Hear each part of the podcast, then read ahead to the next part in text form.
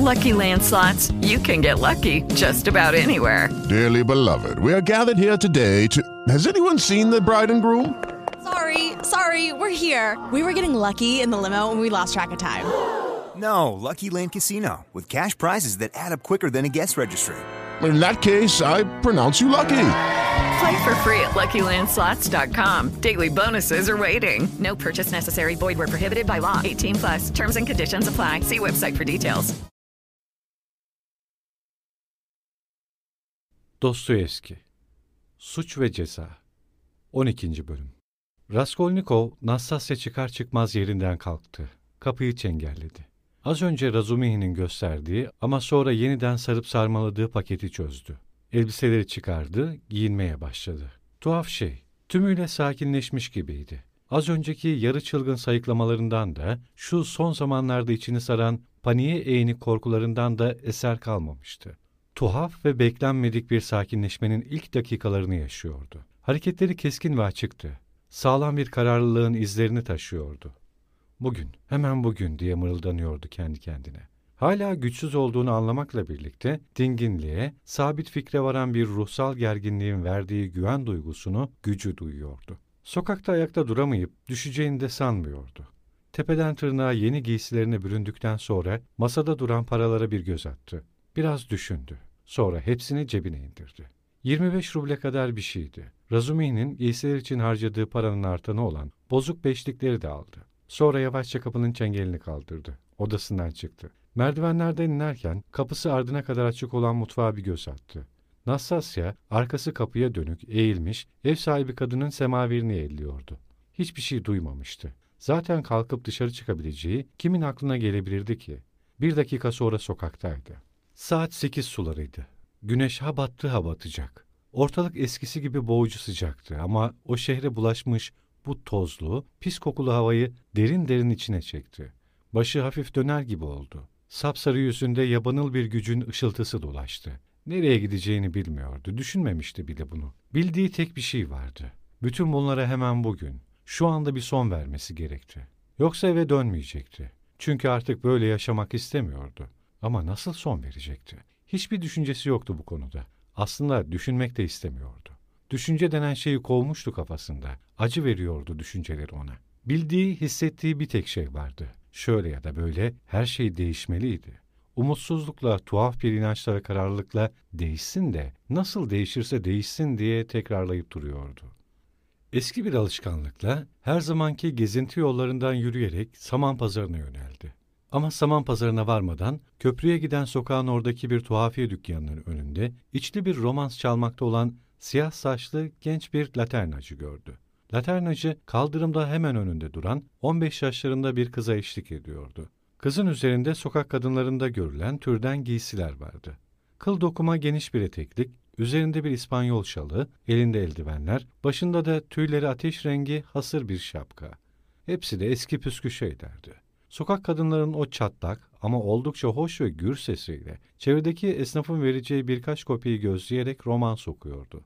Raskolnikov kızı dinlemekte olan birkaç kişinin yanına sokuldu. Biraz dinledi. Sonra bir beş kopeklik çıkarıp kızın avucuna sıkıştırdı. Kız birden şarkıyı en tiz, en işte yerinde bıçakla kesmiş gibi durdurdu. Laternacıya dönerek sert bir sesle yeter dedi. İkisi birlikte ilerideki dükkana doğru yürüdüler. Raskolnikov birden yanı başında duran ve kendisi gibi laterna dinlemekte olan yaşlıca bir adama döndü ve ''Sokak şarkılarını sever misin?'' diye sordu. Görünüşe bakılırsa işsiz güçsüz biri olduğu anlaşılan adam yabanıl, şaşırmış gözlerle Raskolnikov'a baktı. Raskolnikov ise sokak şarkılarından değil de bambaşka şeylerden söz ediyormuş gibi ben severim dedi. Hele de soğuk, karanlık ve nemli güz akşamlarında hani gelip geçen herkesin yüzünün yeşile çalan bir sarılıkta ve hasta gibi göründüğü ıslak güz akşamlarında. Laterna eşliğinde söylenen bu sokak şarkılarını çok severim. Ya da dingin, lapa lapa kar yağan rüzgarsız kış akşamlarında. Hele bir de karların arasından sokak lambaları ışıldıyorsa bu şarkılar çok daha doyumsuz olur. Biliyor musunuz? Hem kendisine sorulan sorudan hem de Raskolnikov'un görünüşünden ürken adam, bilmiyorum efendim özür dilerim dedi ve yolun karşısına geçti. Raskolnikov dümdüz yürüdü ve saman pazarında Lizaveta ile konuşan karı koca satıcının tezgahlarının bulunduğu köşeye çıktı. Ama ihtiyarlar yerlerinde yoktu. Raskolnikov yeri tanıyınca duraksadı, çevresine bakındı. Bir uncu dükkanının kapısında esneyip duran kırmızı gömlekli bir delikanlıya yanaşıp şu köşede karısıyla birlikte satıcılık yapan biri vardı değil mi diye sordu. Delikanlı onu şöyle bir süzdükten sonra herkes satıcı olabilir dedi. Adı neydi o adamın? Vaftiz edilirken ne ataktılarsa o. Ya. Yoksa sen de mi Zaraykslısın? Hangi ildensin? Delikanlı onu bir kez daha süzdü. Bizimki il değil. İlçedir saygıdeğer efendim. Kardeşimin bir kez gitmişliği vardır ama ben hiç görmedim. Hep evde otururdum. Bu nedenle beni bağışlamanızı dilerim Soylu Efendimiz. Şu ilerideki meyhane mi? Hayır, otel restoran efendim. Bilardosu da var. Sonra prensesler de bulunur. Raskolnikov meydanı geçti. İleride köşede büyük bir mujik kalabalığı vardı. Raskolnikov mujiklerin yüzlerine baka baka kalabalığın en yoğun olduğu yere doğru ilerledi. Nedense önüne gelenle konuşmak için sonsuz bir istek duyuyordu. Ama mujiklerin ona dikkat ettikleri bile yoktu. Öbek öbek toplaşmışlar, çene çalıyorlardı. Raskolnikov biraz düşündükten sonra sağa sapıp kaldırım boyunca V'ye doğru yürüdü. Meydanı geçer geçmez küçük bir ara sokakta buldu kendini. Küçük bir dirsekle Samanpazarı meydanını Sadovaya ile birleştiren bu ara sokaktan önceleri de sık sık geçerdi. Son zamanlarda üzüntülü olduğu günlerde daha çok acı duymak için buralarda dolaşmayı ister olmuştu. Şu anda ise hiçbir şey düşünmeden sapmıştı sokağa. Alt katı tümüyle meyhane ve meze içki satan dükkanlarla dolu olan büyük bir apartman vardı burada. Sırtlarında yalnızca bir entari, başları açık ev kılığıyla bir takım kadınlar apartmandan çıkıyor, kaldırım üzerinde çeşitli yerlerde, özellikle de bir iki basamakla inilebilen bodrum katlarındaki eğlence yerlerinin girişlerinde kümeleniyorlardı. Böyle anlarda buralardan müthiş bir gürültü yükselir. Gitar sesleri, şarkılar, naralar tüm sokağı tutuyordu. Otel restoranın kapısı önünde büyük bir kadın topluluğu vardı. Kimi basamaklara, kimi de doğrudan doğruya kaldırıma oturmuştu. Üçüncü bir grup ayakta duruyor ve gevezelik ediyordu.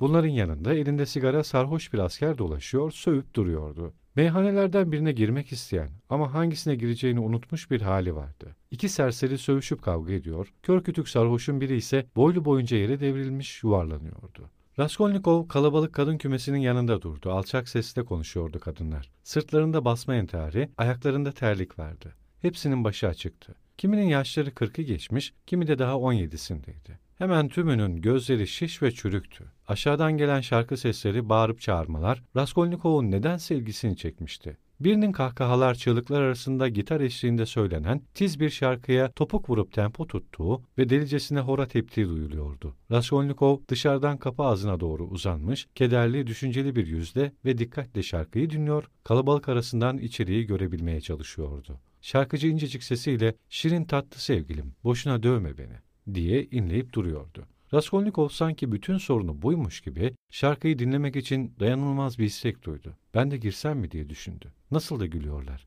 Hepsi sarhoş. Ben de içip sarhoş olsam. Tatlı beyefendi içeri girmez misiniz? Kapı ağzında duran kadınların arasından biri henüz bozulmamış, çınlamalı bir sesle Raskolnikov'a sesleniyordu. Raskolnikov dönüp baktı. Genç bir kadındı bu. Hatta şu kadın kalabalığı içinde insana tiksinti vermeyen belki de tek kadındı. Şuna bak hem de güzelmiş diye mırıldandı. Kadın gülümsedi. İltifat çok hoşuna gitmişti. Siz de güzelsiniz dedi.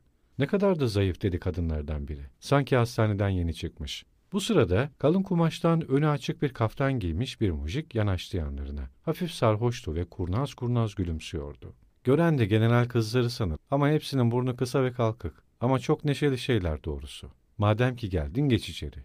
Geçeceğim tatlım. Mujik içeri girdi. Raskolnikov yürümeye başladı. Baksanıza beyefendi.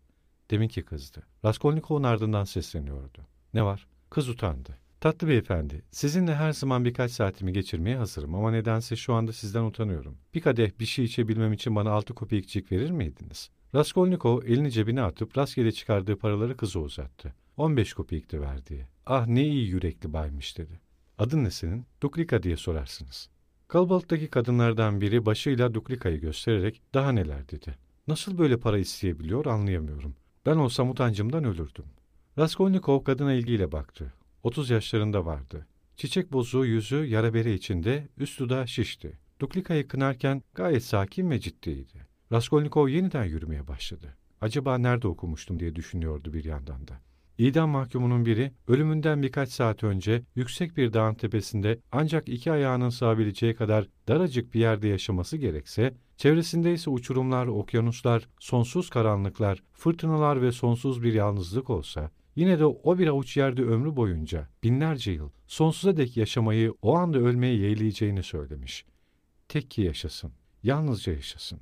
Aman Tanrım, bu nasıl gerçek böyle? Bu nasıl gerçek? İnsan ne alçak yaratıkmış. Raskolnikov bir dakika kadar durup düşündü.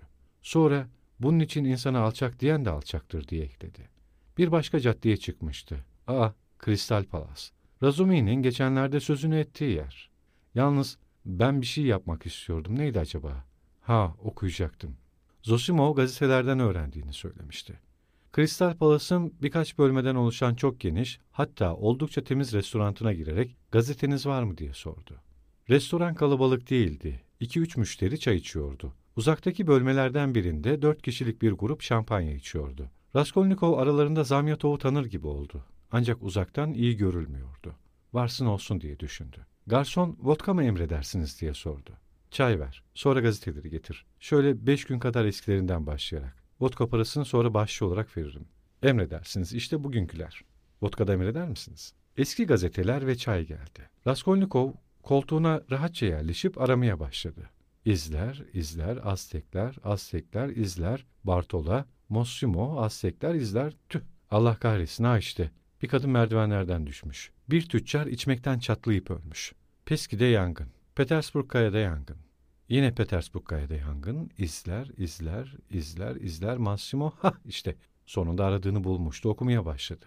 Satırlar gerçi gözünün önünde dans ediyor gibiydi. Ama yine de bütün haberi okudu. Ayrıntıları öğrenmek için hırsla sonraki günlerin gazetelerine sarıldı. Telaş ve sabırsızlıkla sayfaları çevirirken elleri titriyordu. Birden birinin masasına oturduğunu fark etti. Baktı, Zamyatov'du. Yüzükleri, altın zinciri düzgün bir çizgiyle ikiye ayrılmış, bir yantinli, siyah kıvırcık saçları, sık yeleği, hafif eski redingotu ve gömleğiyle Zamyatov. Görünüşü hiç değişmemişti. Neşesi yerindeydi. Ya da en azından neşeli ve içten bir gülüşü vardı. Esmer yüzü içtiği şampanyadan hafifçe pembeleşmişti. Nasıl? Siz burada mısınız? Sanki Raskolnikov'u uzun yıllardır tanıyormuş gibi şaşkınlıkla söylemişti bunları. Oysa Razumihin daha dün hala kendinize gelmediğinizi söylüyordu. Şu işe bakın, ben de sizin ziyaretinize gelmiştim. Raskolnikov onun masasına geleceğini biliyordu. Gazeteleri katlayıp kaldırarak ona döndü. Sinirli bir sabırsızlığı yansıtan alaycı bir gülümsemeyle, geldiğinizi biliyorum, dedi. Söylediler. Çorabımı arayıp bulmuşsunuz. Biliyor musunuz Razumihin sizin için deli diyor. Birlikte Laviza Ivanovna'ya gitmişsiniz. Hani şu onca kaş göz işaretinize rağmen durumu bir türlü anlamayan Barut Teğmen'in çıkıştığı kadın. Hatırladınız mı? Oysa bunda anlaşılmayacak ne var? Durum apaçık ortada öyle değil mi? Amma gevezeymiş. Kim Barut mu? Hayır arkadaşınız Razumihin. Doğrusu iyi yaşıyorsunuz Bay Zamyotov. En güzel yerlere para ödemeden giriyorsunuz. Deminki şampanya kimdendi? Biz kendimiz kendimiz içtik. Neden birinden olsun? Ücret olarak. Her şeyden yararlanırsınız siz. Raskolnikov gülümsedi. Zamyotov'un omzuna vurarak önemli değil, güzel çocuk hiç önemli değil diye ekledi. Hem kötü niyetle söylemiyorum bunu ben. Hani sizin şu karakoldaki memurun koca karı davası dolayısıyla Mitka'yı döverken söylediği gibi. Size olan sevgimden, şakacıktan söylüyorum. Bu olayı nereden biliyorsunuz? Belki sizin bildiklerinizden de fazla şey biliyorumdur. Çok tuhafsınız. Daha iyileşmemiş olduğunuz doğru. Dışarı çıkmamalıydınız. Demek size tuhaf görünüyorum. Evet gazete mi okuyordunuz? Gazete okuyordum. Durmadan yangınları yazıyorlar. Hayır ben yangın haberlerini okumuyordum. Raskolnikov gizemli bir bakışla baktı Zamyotov'a. Dudakları yine alaylı bir gülümsemeyle çarpılmıştı. Hayır, yangınlar değildi benim okuduğum diye sürdürdü sözlerini. Sonra Zamyotov'a göz kırparak, tatlı çocuk dedi, hadi itiraf edin, ne okuduğumu müthiş merak ediyorsunuzdur öyle değil mi? Hiç de merak etmiyorum, öylesine sormuştum. Sormak yasak mı yoksa? Ne diye durmadan dinleyin. Siz okumuş, kültürlü bir insansınız öyle değil mi? Zamyatov hafiften övünerek, kolej son sınıftan ayrılmıştım dedi. Son sınıftan canım benim. Şu altın zincire, şu yüzüklere bakın dedi. Tabii zengin adam. Ah ne hoş çocuk. Raskolnikov yüzünü iyice Zamyotov'un yüzüne yaklaştırdı. Tam bu sırada sinirli bir kahkaha attı. Zamyotov öfkeden çok şaşkınlıktan kendini geri attı. Ama tuhaf insansınız dedi büyük bir ciddiyette. Ve bana kalırsa siz hala sayıklıyorsunuz. Sayıklıyor muyum? Atıyorsun tatlı çocuk. Demek tuhafım. Merakını gıcıklıyorum öyle değil mi? Çok merak ediyorsun beni. Evet merakımı çekiyorsunuz. Öyleyse gazetelerde ne aradığımı, ne okuduğumu söyleyeyim mi? Baksanıza ne çok gazete getirttim buraya. Şüpheli bir durum değil mi sizce? Söylesenize hadi ne okuduğunuzu. Şuna bak. Nasıl da kulaklarını dikti. Ne kulak dikmesi canım? Sonra söylerim ne kulak dikmesi olduğunu. Şimdi ise tatlım benim size şunu bildiriyorum. Hayır itiraf ediyorum daha iyi. Hayır bu da değil. Ben ifade veriyorum ve siz zapta geçiyorsunuz ki evet işte böyle ifademdir söylüyorum. Gazetelerle ilgilenmem, onları arayıp bulmam, okumam. Raskolnikov gözlerini kıstı durdu. Yüzünü Zamyotov'un yüzüne iyice yaklaştırıp fısıltıyla buraya gelişim hep koca karının öldürülüşü üzerine bilgi toplamak içindir diye ekledi. Zamyotov bu kez yüzünü geri çekmişti. Kımıldamadan onun gözlerinin içine bakıyordu. Sonradan da en tuhafına giden şey aradaki sessizliğin tam tamına bir dakika sürmesi bu süre içinde her ikisinin de birbirlerine böyle bakmaları olmuştu. Sonunda dayanamayan Zamyotov ansızın okuyorsanız ne olmuş diye bağırdı. Hem bana ne bunda? Raskolnikov onun bağırmasına aldırmadan canım hatırlıyor musunuz dedi. Hani siz karakolda kendisinden söz ederken ben düşüp bayılmıştım. İşte o koca karı. Şimdi anlıyor musunuz? Zamyotov oldukça endişeli. E e ne olmuş dedi. Hem bu anlıyor musunuz da ne oluyor? Raskolnikov'un hareketsiz ve ciddi yüzü bir anda değişti. Birden az önceki gibi gülmeye başladı. Sanki gülmemek için kendini tutamıyordu. Bir anda bütün açıklığıyla çok yakınlarda yaşadığı bir anın heyecanını yeniden yaşamaya başlamıştı. Elinde balta kapının gerisinde duruyordu. Kapının sürgüsü neredeyse yerinden çıkacaktı. Dışarıdakiler kapıyı zorluyorlar, sövüp duruyorlardı. Oysa onlarla kavga etmek, onlara dilini çıkararak alay etmek ve katıla katıla gülmek, gülmek, gülmek istiyordu. Siz ya delisiniz ya da Zamyotov birden durdu. Sanki aklına gelen yepyeni bir düşünceden şaşkına dönmüş gibiydi. Ya da... Ya da ne? Nedir? Ya da söylesenize. Hiç dedi Zamyotov öfkeyle. Çok saçma bir şey bu. İkisi de sustular. Tutulduğu gülme krizinden sonra Raskolnikov birden dalgınlaştı. Yüzü üzgün bir hal aldı. Dirseğini masaya dayayıp başını elleri arasına aldı. Zamyotov'un orada bulunduğunu unutmuş gibiydi. Epey süren bir sessizlik oldu. Sonunda Zamyotov, çayınızı içsenize dedi. Soğuyacak. Ne? Çay mı? Tabii. Çayından bir yudum aldı. Ağzına bir lokma ekmek attı. Sonra Zamyotov'a baktı ve sanki bir anda her şeyi hatırladı. Kendine gelmiş, yüzü yine o eski alaycı haline almıştı. Çayını içmeyi sürdürdü. Bugünlerde de bu dolandırıcılık işleri aldı yürüdü dedi Zamyotov. Geçenlerde Moskova haberlerinde bir kalpazan çetesinin yakalandığını okumuştum. Koca bir çete. Sahte banknot basıyorlarmış. Oho bu eski bir olay. Bir ay önce okumuştum ben. Raskolnikov son derece sakindi. Gülümseyerek ekledi. Sizce dolandırıcı mı bu adamlar? Ya ne peki? Ne mi? Öylelerine dolandırıcı değil, bilen beklerler. Böyle bir iş için 40-50 kişi bir araya geliyor. Hiç olacak şey mi bu? Böylesi işler için üç kişi bile çoktur. Hem de her birinin bir ötekine kendinden çok inanması, güvenmesi koşuluyla. Yoksa birinin sarhoşlukla yapacağı bir gevezelik her şeyi alt üst edebilir. Bilen bekler, güvenilmez bir takım adamlar tutup onlar aracılığıyla gişelerden sahte para sürmeye kalkmışlar. Önüne gelen adama açılabilecek iş mi bu? Hem varsayalım bu bilen bekler bu işi başardılar ve varsayalım ki her biri birer milyonluk sahte parayı değiştirdi ya sonra? Yaşadıkları sürece her biri bir başkasına bağlı olarak yaşamayacak mı? Gebermek bundan daha iyi değil mi? Onlarsa daha paraları değiştirmeyi bile başaramamışlar. Adam gişeden 5000 rubleyi alınca elleri titremeye başlamış. 4000'i saymış, son binliği bir an önce sıvışıp gitmek için güvenmiş, saymadan cebine atmış. Bu durumu da doğallıkla kuşku uyandırmış. Sonuç bir ahmak yüzünden her şeyin alt üst olması. Hiç olacak şey mi bu? Zamyotov ne dedi? Ellerinin titremesi mi olmayacak şey? Neden olmasın? Bu bence son derece doğal bir şey. İnsan kendini tutamayabilir. Tutamayabilir mi? Ne yani siz olsanız eliniz titremez miydi? Doğrusu benim de elim titrerdi. 100 ruble için böyle bir dehşeti yaşamak. Sahte paralarla bir bankaya hem de hangi bankaya bu işlerde en kulağa kesik bankaya gitmekten utanırdım doğrusu. Ya siz utanmaz mıydınız? Raskolnikov yeniden dilini çıkarmak için dayanılmaz bir istek duydu. İkide bir sırtı soğuk soğuk ürperiyordu. Söze dolan başlı bir yoldan başladı. Ben olsam öyle yapmazdım. Bakın ben ne yapardım. İlk binlik desteği her banknotu tek tek inceleye inceleye baştan sona sondan başa en aşağı dört kez sayardım. Sonra ikinci binlik desteği saymaya başlardım. Ortalarına geldiğimde desteğin içinden rastgele bir 50 rublelik banknot çıkarıp ışığa tutar, sahte mi değil mi diye iyice bir gözden geçirip doğrusu derdim korkuyorum. Geçenlerde akrabamız bir kadın bu yüzden 25 rublesinden oldu ve akraba kadına nasıl sahte para verdiklerini anlatırdım. Üçüncü bini saymaya geçtiğimde de bir dakika derdim. Deminki desteği sayarken sanırım 700'den sonra şaşırdım ve ikinci binlik desteği yeniden saymaya başlardım. Bu işi her deste için tekrarlardım. Saymayı bitirdim mi bu kez de destelerden rastgele bir iki banknot çıkarıp yeniden ışığa tutar kuşkulanmış gibi yapardım. Lütfen derdim şunları değiştirin. Böylece veznedarın anasından emdiği sütü burnundan getirir ve adamcağızı beni başından savmak için ne yapacağını bilmez ederdim. Bütün bunlardan sonra gitmek için kapıyı açtığım anda durur, geri döner, affedersiniz deyip yeni bir şeyler sorar, yine bazı bilgiler almak isterdim. Ben olsam işte böyle yapardım.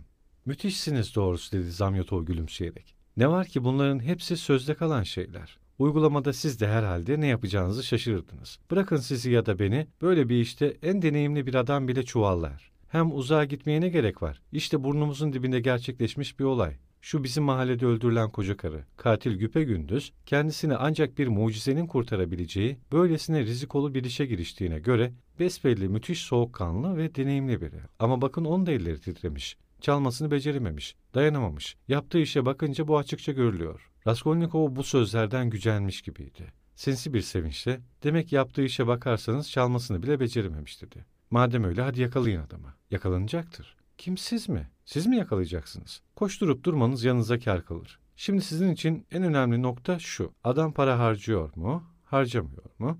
Dün beş parası olmayan bir adam bugün su gibi para harcamaya başlamışsa katil değil senedir. Ama bu noktada eğer isterse bir çocuk bile sizi aldatabilir. İşte hep bu noktada yanlış yaparlar. Kurnazca cinayet işlerler sonra da soluğu bir meyhanede alırlar. Polis de para harcamalarından kuşkulanıp onları enseler. Onlar sizin gibi kurnaz olmazlar. Siz olsanız herhalde meyhaneye gitmezdiniz öyle değil mi? Raskolnikov kaşlarını çattı canı sıkılmıştı.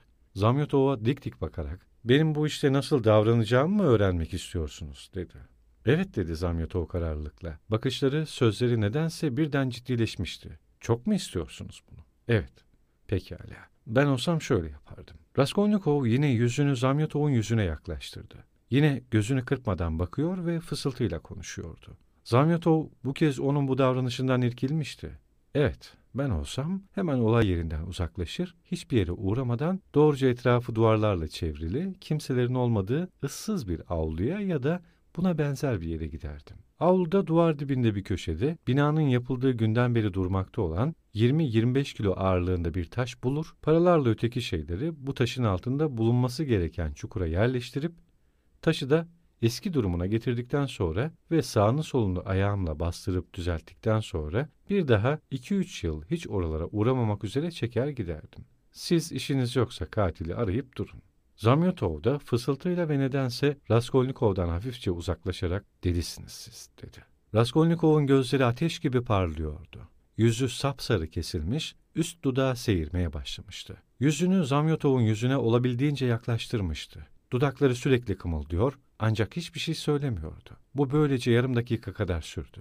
Ne yaptığını biliyor ama kendine engel olamıyordu. Tıpkı o gün yuvasında zıplayıp duran kapının sürgüsü gibi dudaklarında korkunç bir takım sözcükler titreşip duruyordu. İşte neredeyse dökülüverecekti bu sözcükler. İşte neredeyse fırlayıp çıkacaklardı ağzından. Söyleyiverecekti neredeyse. Birden ya koca karıyla Lizaveta'yı ben öldürdüysem dedi ve ve der demez de kendine geldi. Zamyotov'un kireç gibi bembeyaz olan yüzü tuhaf bir gülümsemeyle çarpıldı. Bakışları da tuhaflaşmıştı. Olacak şey mi bu dedi. İnanmıştınız ama dedi Raskolnikov. Hadi itiraf edin öyle değil mi? Ha? Öyle değil mi? Zamyatov telaşla hayır dedi. Hiç de inanmamıştım. Hele şu anda her zamankinden de az inanıyorum. Sonunda yakalandın. Dilinle tuzağa tutuldun. Şu anda her zamankinden daha az inandığınıza göre demek ki bir ara inanmıştınız. Zamyatov utanır gibi oldu. Hayır, hiç de inanmamıştım diye bağırdı. Beni korkutacak bunca şeyi de sırf sözü buraya getirmek için anlattınız zaten. Demek inanmamıştınız. Peki öyleyse o gün karakolda ben çıktıktan sonra arkamdan ne konuşuyordunuz? Ve baygınlığım geçip de kendime geldikten sonra Barut Teğmen beni neden sorguya çekti? Hey garson! Koltuğundan doğruldu, kasketini aldı. Hey garson diye seslendi. Borcum ne kadar? Hepsi otuz kopyik efendim dedi koşarak gelen garson. Şu yirmi kopyayı de vodka için bahşiş olarak al. Şu paralara bak paralara. Banknotlarla dolu elini Zamyotov'a uzatmış gösteriyordu. Kırmızı mavi banknotlar. Tam 25 ruble. Paraları tuttuğu eli titriyordu. Nereden geldi bunlara? Ya şu gıcır gıcır elbiseler? Biliyorsunuz beş param yoktu. Ev sahibimi sorguya çekmişsinizdir. E artık yeter. Hoşçakalın. Raskolnikov içinde biraz da hoşnutluk sezilen, tuhaf, sinirli, heyecanlı bir havayla çıkıp gitti. Yüzü asılmıştı. Dayanılmaz derecede yorgun duyuyordu kendini ve yorgunluğu giderek artıyordu. Yüzüne inme inen insanlarda görülen bir çarpılma gelip yerleşmişti. Heyecanlanmaya başlar başlamaz gücü de artıyor, yükseliyor, heyecan duygusu azaldıkça gücü de azalıyor, düşüyordu. İçeride tek başına kalan Zamyot olsa dalgın, düşünceli, kımıldamadan oturuyordu. Raskolnikov cinayet konusundaki bütün düşüncelerini alt üst etmiş, kafasında yeni ve kesin bir takım düşünceler uyandırmıştı. İlya Petrovich ahmağın tekiymiş diye mırıldandı sonunda. Raskolnikov kapıyı açıp tam sokağa çıkarken merdivenlerde Razumihin'le burun buruna geldi. Her ikisi de bir adım kalana kadar birbirlerini görmemişlerdi. Neredeyse kafa kafaya tokuşacaklardı. Bir süre bakışıp birbirlerini süzdüler. Razumihin anlatılmaz bir şaşkınlık içindeydi. Ama birden gözleri gerçek bir öfkenin kıvılcımlarıyla tutuştu. Bak hele diye bağırdı olanca gücüyle. Demek yataktan kalkıp kaçtın ha. Ben sonra divanın altında bile aradım. Çatılara baktım. Az kalsın Nastasya'yı dövecektim. Oysa beyimiz nerelerdeymiş. Rodya bu ne demek oluyor? Bana gerçeği söyle, itiraf et. Duyuyor musun? Raskolnikov sakin sakin, bu şu demek oluyor ki, dedi. Hepiniz beni bıktırdınız, şurama getirdiniz ve ben yalnız kalmak istiyorum. Yalnız kalmak mı? Ayakta duramazken, güçlükle soluk alırken ve şu kireç gibi olmuş yüzle mi? Aptal herif. Kristal Palas'ta ne yapıyordun? Çabuk doğruyu söyle. Bırak beni, dedi Raskolnikov ve gitmek için davrandı. Bu davranışı Razumihin'i çileden çıkarmıştı. Onu omzundan yakalayarak, bırakmak mı? Biliyor musun şimdi ne yapacağım? Bir bohça gibi koltuğumun altına alıp eve götüreceğim seni. Üzerine de kapıyı kilitleyeceğim. Raskolnikov sakin görünmeye çalışarak ve tane tane, bak Razumihin, dedi. Senin iyiliklerini istemediğimi görmüyor musun? Hem bu iyiliklerini aşağılayanlarla ve artık senin gibi bu iyiliklerini cidden katlanılmaz bulanlara ısrarla iyilik etmek isteyin niye? Hastalandığım gün ne diye gelip beni buldun? Belki de ölüm beni daha çok sevindirecekti. Bana sıkıntı verdiğini, beni bıktırdığını bugün yeterince dile getiremedim mi? İnsanlara acı çektirmek için ne kadar da isteklisin. İnan bana bütün bunlar benim sağlığımı ciddi biçimde sarsan davranışlar. Çünkü sürekli sinirlendiriyor beni. Oysa az önce Zosimov sırf beni sinirlendirmemek için çekip gitmedi mi? Allah aşkına sen de yakamı bırak. Hem beni zorla alıkoymaya ne hakkım var? Tümüyle kendinde bir insan olarak konuştuğumu görmüyor musun? Yakamı bırakman, bana iyilik etmekten vazgeçmen için söyle, söylesene nasıl yalvarayım? Varın bana nankör deyin, alçak aşağılık deyin ama Tanrı aşkına yakamı bırakın, bırakın. İçinde biriken zehri, akıtma fırsatı doğmuş olmasının sevinciyle, sakin sakin başladığı konuşmasını az önce Lujin'le konuşurken olduğu gibi öfkeden tıkanarak tamamlamıştı. Razumihin durdu, biraz düşündü. Sonra onun kolunu bırakıp yavaş sesli ve dalgın dalgın cehenneme kadar yolum var. Ama Raskolnikov'un gitmeye davrandığını görünce yeniden öfkelendi. Dur diye bağırdı. Dinle hepiniz birer gevezeden ve farfaracıdan başka bir şey değilsiniz. Küçücük bir acınız olsa on paralık yumurtası için ortalığı birbirine katan tavuklara dönersiniz. Üstelik burada bile başka yazarların düşüncelerini çalarsınız. Ruhlarınızda bağımsız bir yaşamdan iz bile yok. İspermecetten yapılmış yaratıklar. Damarlarınıza kan yerine serum dolaşıyor. Hiçbirinize inanmıyorum. İlk işiniz ne pahasına olursa olsun insana benzememektir. Raskolnikov'un yürümeye yeltendiğini görünce öfkesi bir kat daha artarak ''Dur!'' diye bağırdı. Dur ve sözlerimi sonuna dek dinle. Biliyorsun bugün yeni eve taşınmam onuruna konuklarım olacak. Belki de şu anda gelmişlerdir bile. Dayımı bıraktım. Gelenleri karşılaması için. Kendimle bir koşu buraya geldim. Eğer bir ahmak değilsen, eğer su katılmamış bir ahmak değilsen, boşuna papuç eskiteceğine bu akşam doğruca bize gelir adam gibi oturursun. Madem çıkmışsın yapacak bir şey yok demektir. Sana yumuşacık bir koltuk bulurdum. Ev sahiplerimin koltuğunu getirirdim. Çay içer, insanlarla birlikte olurdun. Oturmak istemezsen yatırırdık seni. Yine aramızda olurdun. Hem Zosimov da olacak. Gelecek misin? Hayır. Gerçek değil bu söylediğin, dedi Razumihin sabırsızlıkla. Sen nereden bileceksin? Daha kendini bilmiyorsun ki. Hem de bu işlerden zerre kadar anladığın yok. Ben de senin gibi kaç kez böyle insanlardan kaçmışımdır. Ama her seferinde de geri döndüm. İnsan yaptığından utanıyor ve geri dönüyor. Unutma, Poçinkov'un apartmanı üçüncü kat.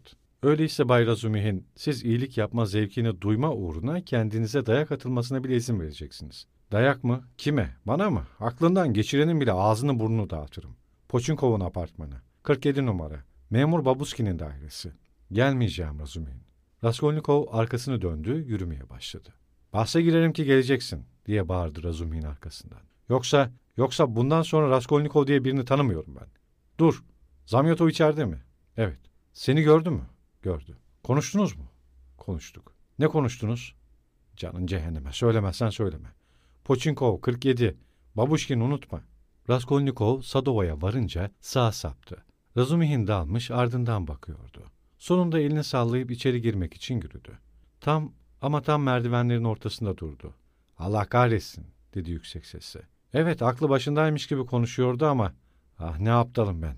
Yalnızca aklı başındalar mı akıllıca laflar ederler. Zosimov'un da asıl korktuğu buydu galiba. Parmaklarıyla alnına vurdu. Ya bir de nasıl bırakabildim onu? Kendini suya atabilir. Çok yanlış bir iş yaptım çok. Hemen Raskolnikov'un ardından koştu ama bir iki gözden yitip gitmişti. Razumihin tükürdü ve Zamyotov'u sorguya çekmek üzere hızlı adımlarla Kristal Palas'a doğru yürümeye başladı. Raskolnikov doğruca köprüye gitti. Köprünün ortasında korkuluklara dayanıp uzakları seyretmeye başladı. Razumihin'den ayrıldıktan sonra öylesine bitkinleşmişti ki köprüye kadar zorlukla gelebilmişti. Oracıkta bir yerlere yolun ortasına oturmak ya da yatmak istiyordu canı. Sulara doğru eğilip batmakta olan güneşin son pembe yansılarına, giderek yoğunlaşan akşam alacasına kararan evlere, nehrin sol kıyısında uzakta bir evin güneşin son ışıklarıyla tutuşmuş küçük çatı katı penceresine, kanalın karanlık sularına bakmaya başladı. Bilhassa da sulara bakıyor gibiydi. Sonunda gözlerinde bir takım kırmızı halkalar dönmeye, evler, insanlar, rıhtım, arabalar çevresinde dans etmeye başladı. Sonra birden irkildi. Gördüğü korkunç bir hayalle yeni bir baygınlıktan kurtulmuş gibiydi. Yanında hemen sağında birinin durduğunu hissetti. Baktı. Uzun boylu, başörtülü, uzun sarı benizli, gözleri kızarmış ve yuvalarına gömülmüş bir kadındı. Kadın da doğruca kendisine bakıyordu. Ama besbelli hiçbir şey görmüyor, hiçbir şey fark etmiyordu. Birden sağ kolunu korkuluğa dayadı. Sağ bacağını kaldırıp korkuluktan aşırdı. Sonra sol bacağını kaldırdı. Onu da aşırdı ve kendini kanala bırakıverdi. Kirli sular bir an açılıp kapandılar ve kadın kayboldu. Ancak bir dakika sonra yeniden su yüzüne çıktı. Akıntı yönünde sürükleniyordu. Başı ve bacakları suyun içinde, sırtı yukarıdaydı. Eteği suyun üzerinde yastık gibi şişmişti. Boğuldu, boğuldu sesleri duyuldu. İnsanlar koşuşmaya başladılar. Kanalın iki kıyısı birden bir anda seyircilerle dolmuştu. Köprünün üstünde de bir kalabalık toplandı. Yakından ağlamalı bir kadın sesi duyuldu. Tanrım bu bizim Afrosin Yuska. Efendiler lütfen kurtarın onu. Kalabalık arasından kimileri de kayık, kayık diye bağırıyorlardı. Ancak kayığa gerek kalmadı. Bekçinin biri iskelenin merdivenlerinden kanala inip ceketini çizmelerini çıkararak suya atladı. Akıntı zaten kadını iskelenin önüne kadar getirmişti ve yapılacak fazla bir şey yoktu. Bekçi sağ eliyle kadını elbisesinden yakaladı. Sol eliyle de kendisine uzatılan bir sırağa tutundu ve kadını kıyıya çekti. Merdivenlerin üzerine yatırdı. Az sonra kadın kendine geldi. Doğrulup oturdu. Ellerini anlamsız hareketlerle ıslak entarisine siliyor, aksırıp tıksırıyor ama hiç konuşmuyordu. Deminki kadın sesi bu kez Afroşin Yuşka'nın yanında duyuldu. Devlerine kadar içip sarhoş oldu anam babam. Demin de az kalsın kendini asacaktı. İpten kurtardılar. Bir koşu bakkala gidecek kızımı da göz kulak olması için kendine bırakmıştım. Şu olanlara bak. Şuradaki satıcı kadın anam babam. Şu bizim satıcı kadın. Hemen şurada otururuz. İşte şurada, baştan ikinci ev. Kalabalık dağılmaya başladı. Polislerse hala kadınla uğraşıyorlardı. Kalabalıktan biri karakoldan söz etti. Raskolnikov, olup bitenleri tuhaf bir kaygısızlıkla, aldırmazlıkla izlemişti. Birden içinde bir tiksinti duydu. Su, hayır değmez. Tiksinç bir şey bu, diye mırıldandı. Bir şey olacağı yok. Ne diye beklemeli? Bu ne? Karakol mu? Zamyatov niye karakolda değil? Saat dokuza geldiği halde karakol hala açık. Sırtını korkuluklara çevirdi, çevresine bakındı. Kesin bir tavırla, evet gidelim bakalım diye mırıldandı. Karakola doğru yürümeye başladı. Yüreği ağırlaşmış gibiydi. Düşünmek istemiyordu. Her şeye bir son vermek kararıyla evden çıktığı zamanki canlılığından eser kalmamıştı. Kaygılı bile değildi. Şu anda duyduğu tek şey tam bir uyuşukluktu. Ağır uyuşuk adımlarla kanal boyunca yürürken, eh ne yapalım, bu da bir çıkış yoludur diye düşündü. Nasıl olursa olsun buna bir son vereceğim çünkü böyle istiyorum. Ancak bu bir çıkış yolu sayılır mı? Boş ver. Bir aşınlık bir yerin olacak. Ancak bu nasıl bir son böyle? Hem son mu bu? Söyleyecek miyim, söylemeyecek miyim onlara? 12. bölümün sonu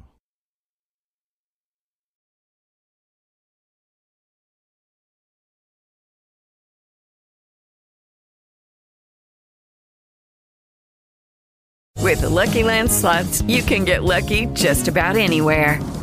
This is your captain speaking. Uh, we've got clear runway and the weather's fine, but we're just going to circle up here a while and uh, get lucky. No, no, nothing like that. It's just these cash prizes add up quick. So I suggest you sit back, keep your tray table upright, and start getting lucky.